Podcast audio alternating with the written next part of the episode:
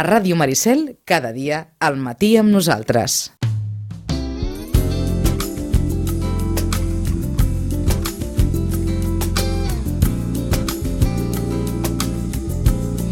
Una pregunta. Si us agraden els llibres, tenen 225.000 euros per gastar? 225.000. Rosana Lluc, bon dia i bona hora. Hola, molt bon dia. Tens 225.000 euros per gastar? Mm, No, ni per gastar ni per no gastar. Ni no. per gastar ni per no gastar. Exacte, no. Mm, Què haig de comprar? què has de comprar? Home, no sé si... No sé si ho compraries. La biblioteca sencera d'Amando de Miguel, formada per 13.000 llibres d'història, sociologia, filosofia, economia, religió, lleis, ciències polítiques i de tota mena.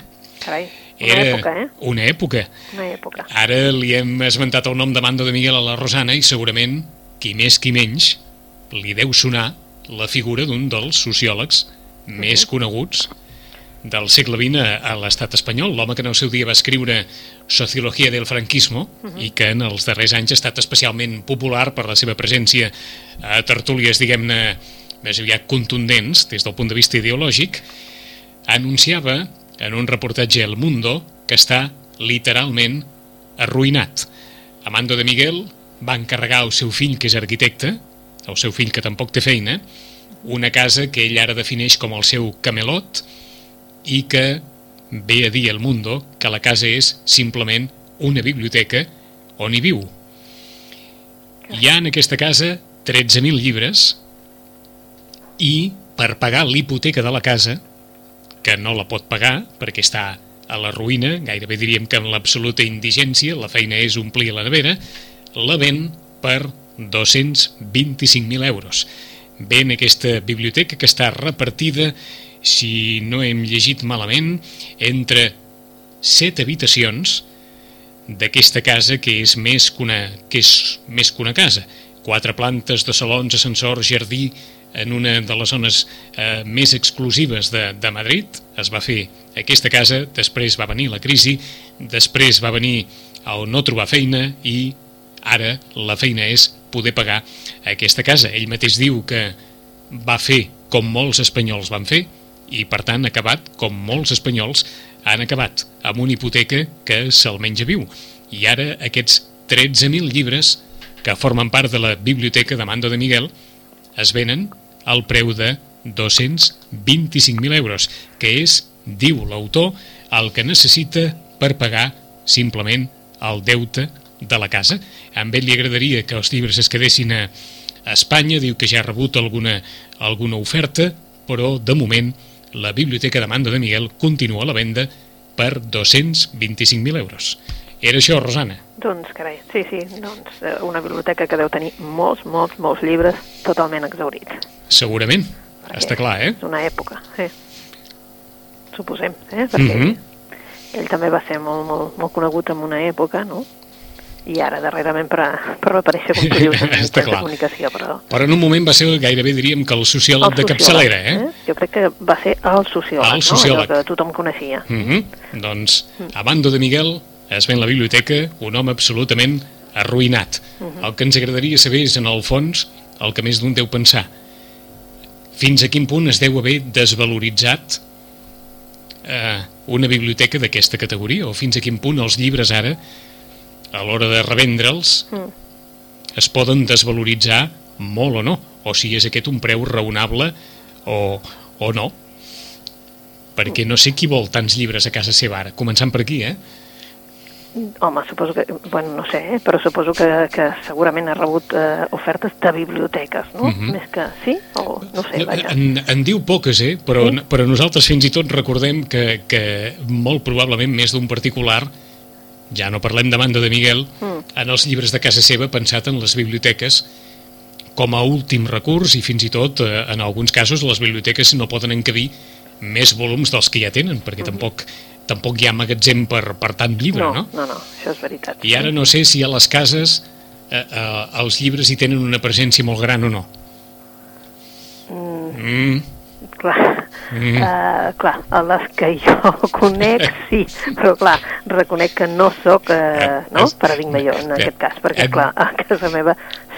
Ens cridava, ens cridava molt l'atenció i, i amb això tanco, hi havia a les xarxes socials un anunci en una, en una d'aquestes tantes botigues de segona mà que hi ha a la comarca, en aquest cas era, era una botiga de segona mà a Vilanova, que venia una llibreria per 60 euros, una llibreria sencera, i tots els llibres de la llibreria eren de regal. I entre els llibres de la llibreria hi havia tota l'enciclopèdia britànica, de quan l'enciclopèdia britànica doncs, es, Carai. es feia. Per això et dic que no sé fins a quin punt eh, el fet de treure'm tota, tot això de casa, al final ja aboca més d'una a dir, mira, queda-te'ls perquè si, si m'haig de posar a vendre això no ho arribaré a vendre, o vés a saber com ho vendria, i molts ja llibreria i llibres tot en el, tot en el mateix pack i que, i que s'ho enduïn. No sé si eh, mm, bona part de moltes biblioteques acabaran allò mm, llançades, llançades o, o, o molts llibres que poden tenir un valor relativament important poden acabar als contenidors o, o, o venuts a qualsevol preu o, o llançats de qualsevol manera, no? Doncs és, és un contrast de sentit, perquè llavors tenim eh, col·leccionistes que estan pagant diners per llibres de, del segle XIX, Uh -huh. de finals del XIX fins i tot, o sigui que, veus, és allò, no? Nosaltres els tirem i... Per exemple, eh? Eh? Vull dir, i, i hi ha gent que Mhm. està, està demanant, i, i, i resulta que venen fins i tot de Sud-amèrica molts, eh, d'aquests Ahà. llibres. Perquè una cosa està clara, els pisos ara són més petits que abans. Sí, sí, sí, sí, això sí, això és veritat, vull dir, són més petits i... Tot bueno, és tenim més... moltes coses, també, ah, no? exacte, tot és més petit i tenim moltes coses, no? Mm, sí, I, i, I per tant, suposo que també a, els hàbits canvien i condicionen determinades aficions o determinades eh, passions. En el cas de Mando de Miguel era una casa feta per ser biblioteca, bàsicament. I això ja suposo que defineix eh, moltes coses. sí, però sí, suposo que sí. Mm. Eh?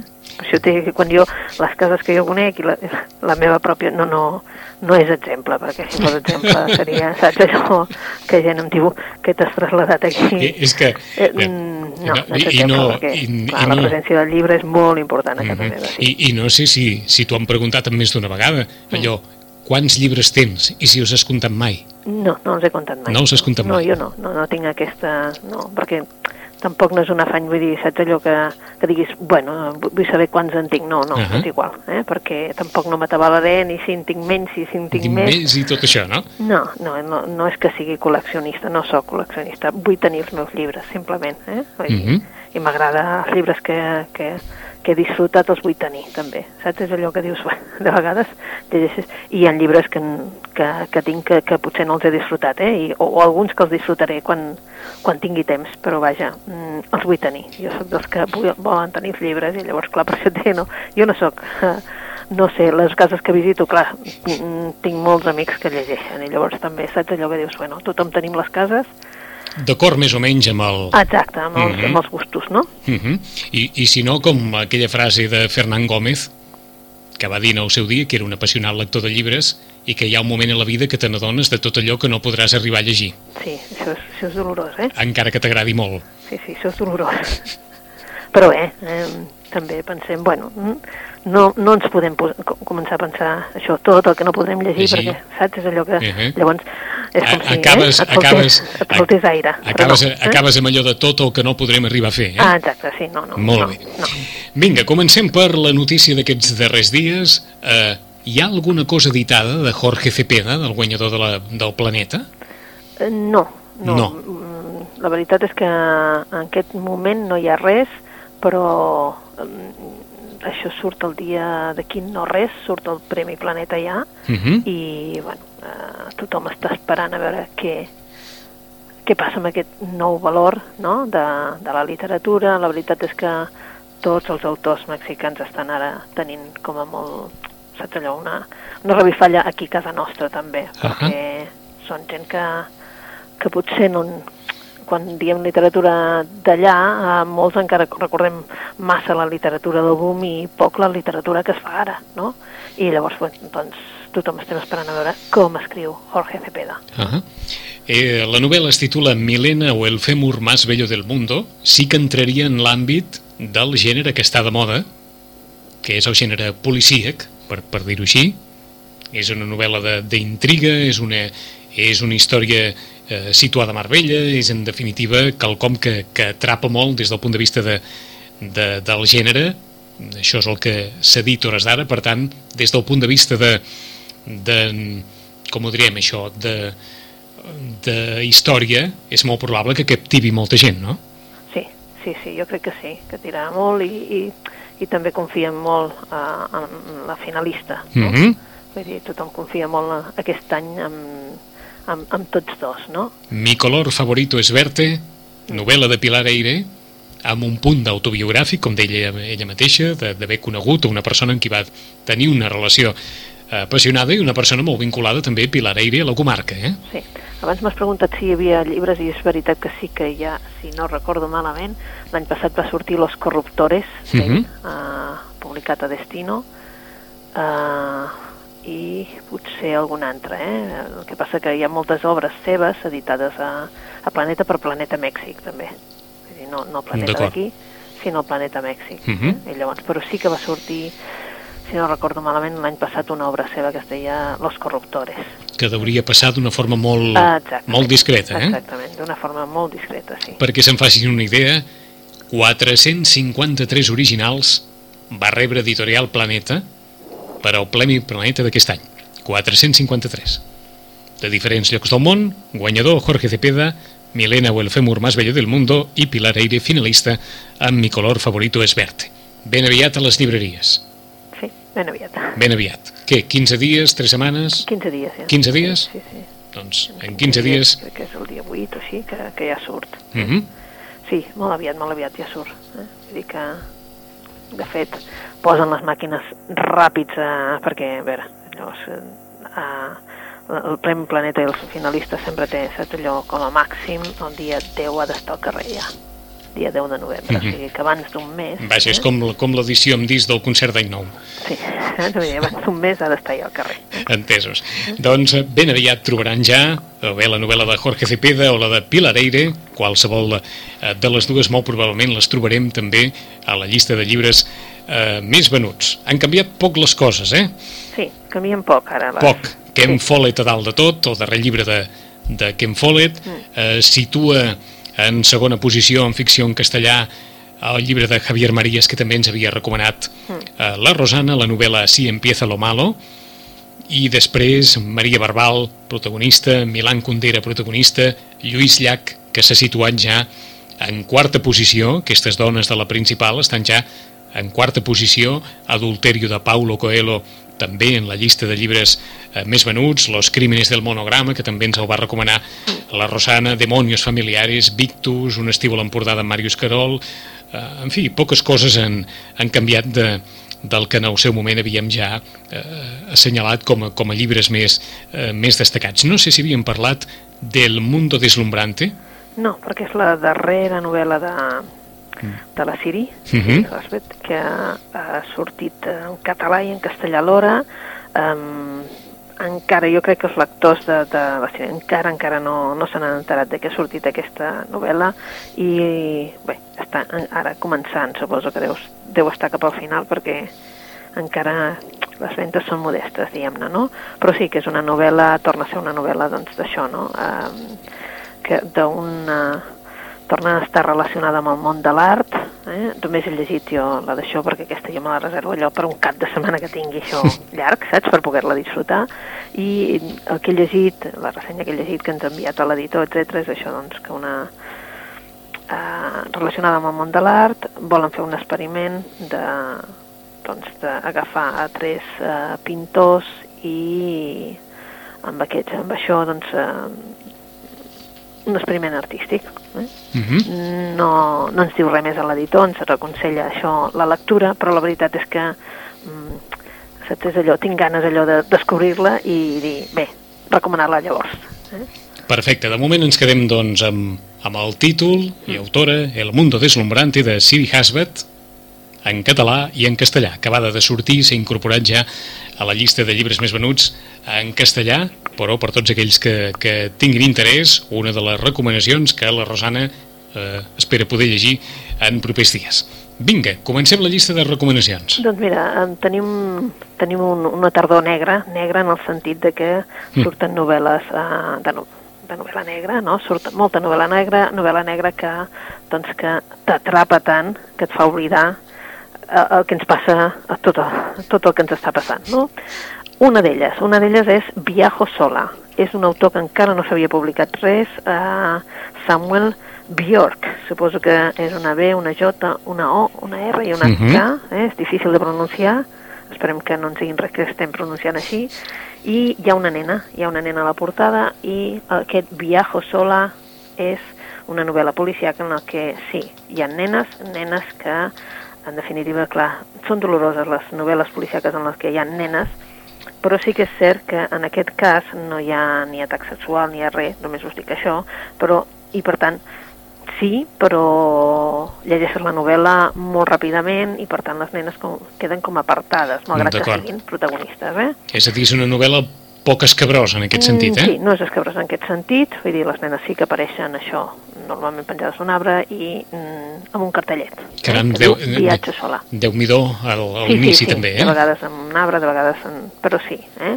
Uh, bé, um, van molt ben vestidetes, amb la seva motxilla al, al, al darrere, i clar, uh, qui són els protagonistes reals? Doncs a part d'aquestes nenes hi ha dos policies que ho són. Un inspector de policia que va ser apartat per culpa d'una companya, la mia, aquest inspector de policia es diu Holger Munch, és un autor de mitjana edat, ja és un gran ja, que té una filla, ella es va separar quan era jove, llavors té una filla que a partir d'aquell incident doncs, no ha sigut una bona relació amb el seu pare, però sí que ara, a través d'ella, haver tingut també una filla, per tant, aquest senyor és avi, i amb aquesta nena, doncs ara està, doncs, diguéssim, bueno, que no viu només pensant en aquesta nena, que és la seva neta, no? Que té una relació fantàstica amb aquesta neta, Mhm. i això també és clau en el, en el llibre, no? I ha l'altra protagonista és la Mia. La Mia Kruger era la, la policia també, eh, que era companya d'aquest Holger Munch, i que ara la veiem retirada, retirada en una casa, s'ha comprat una casa al costat d'un acantilat i l'únic que vol és, de fet, eh, l'únic que viu és venent-se pastilles per oblidar. Vol oblidar i oblidar. Però el Holger Munch necessita ajuda i la va buscar. I a partir d'aquest moment, tots dos protagonistes, el Holger i la Mia, ens tenen amb aquestes, no sé si són... Eh, 500 pàgines, però atrapats totalment. Aquest Viajo sola us el recomano si teniu ganes de només pensar en novel·la policíaca. Perfecte. Viajo sola de Samuel Bjork, acabada de sortir, aquesta novel·la en què mm, apareixen les nenes però d'una forma com l'inici d'un cas que després intervenen doncs, els, els dos protagonistes, Holder i Mia i en una narració veritablement vibrant 500 pàgines de novel·la policíaca, de novel·la negra primera recomanació de novel·la negra però ens diguis que n'hi ha més N'hi ha més, n'hi ha més, perquè recordeu que durant... Bé, que ha sortit en les llistes, no sé si surt ara, eh?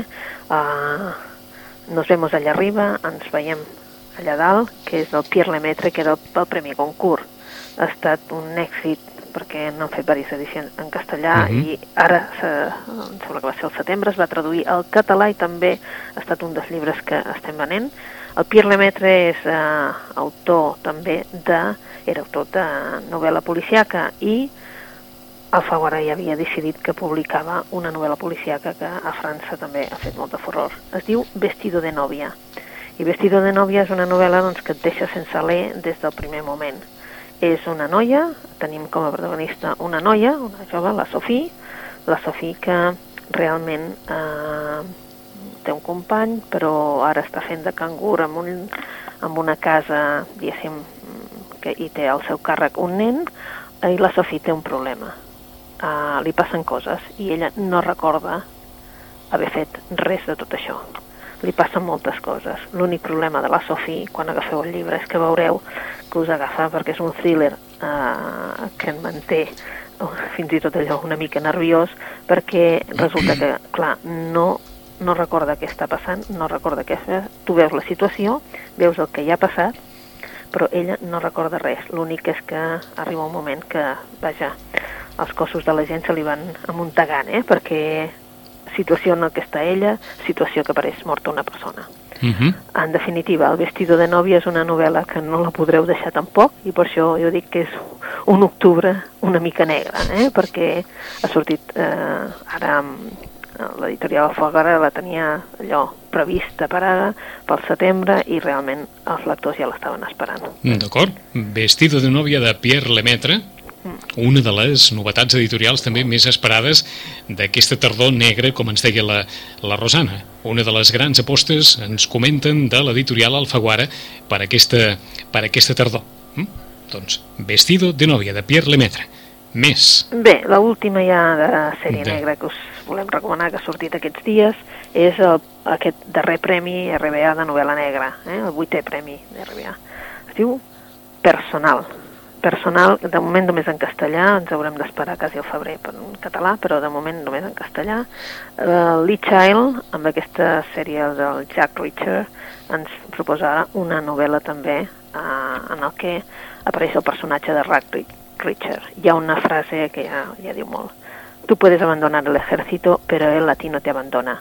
No del todo.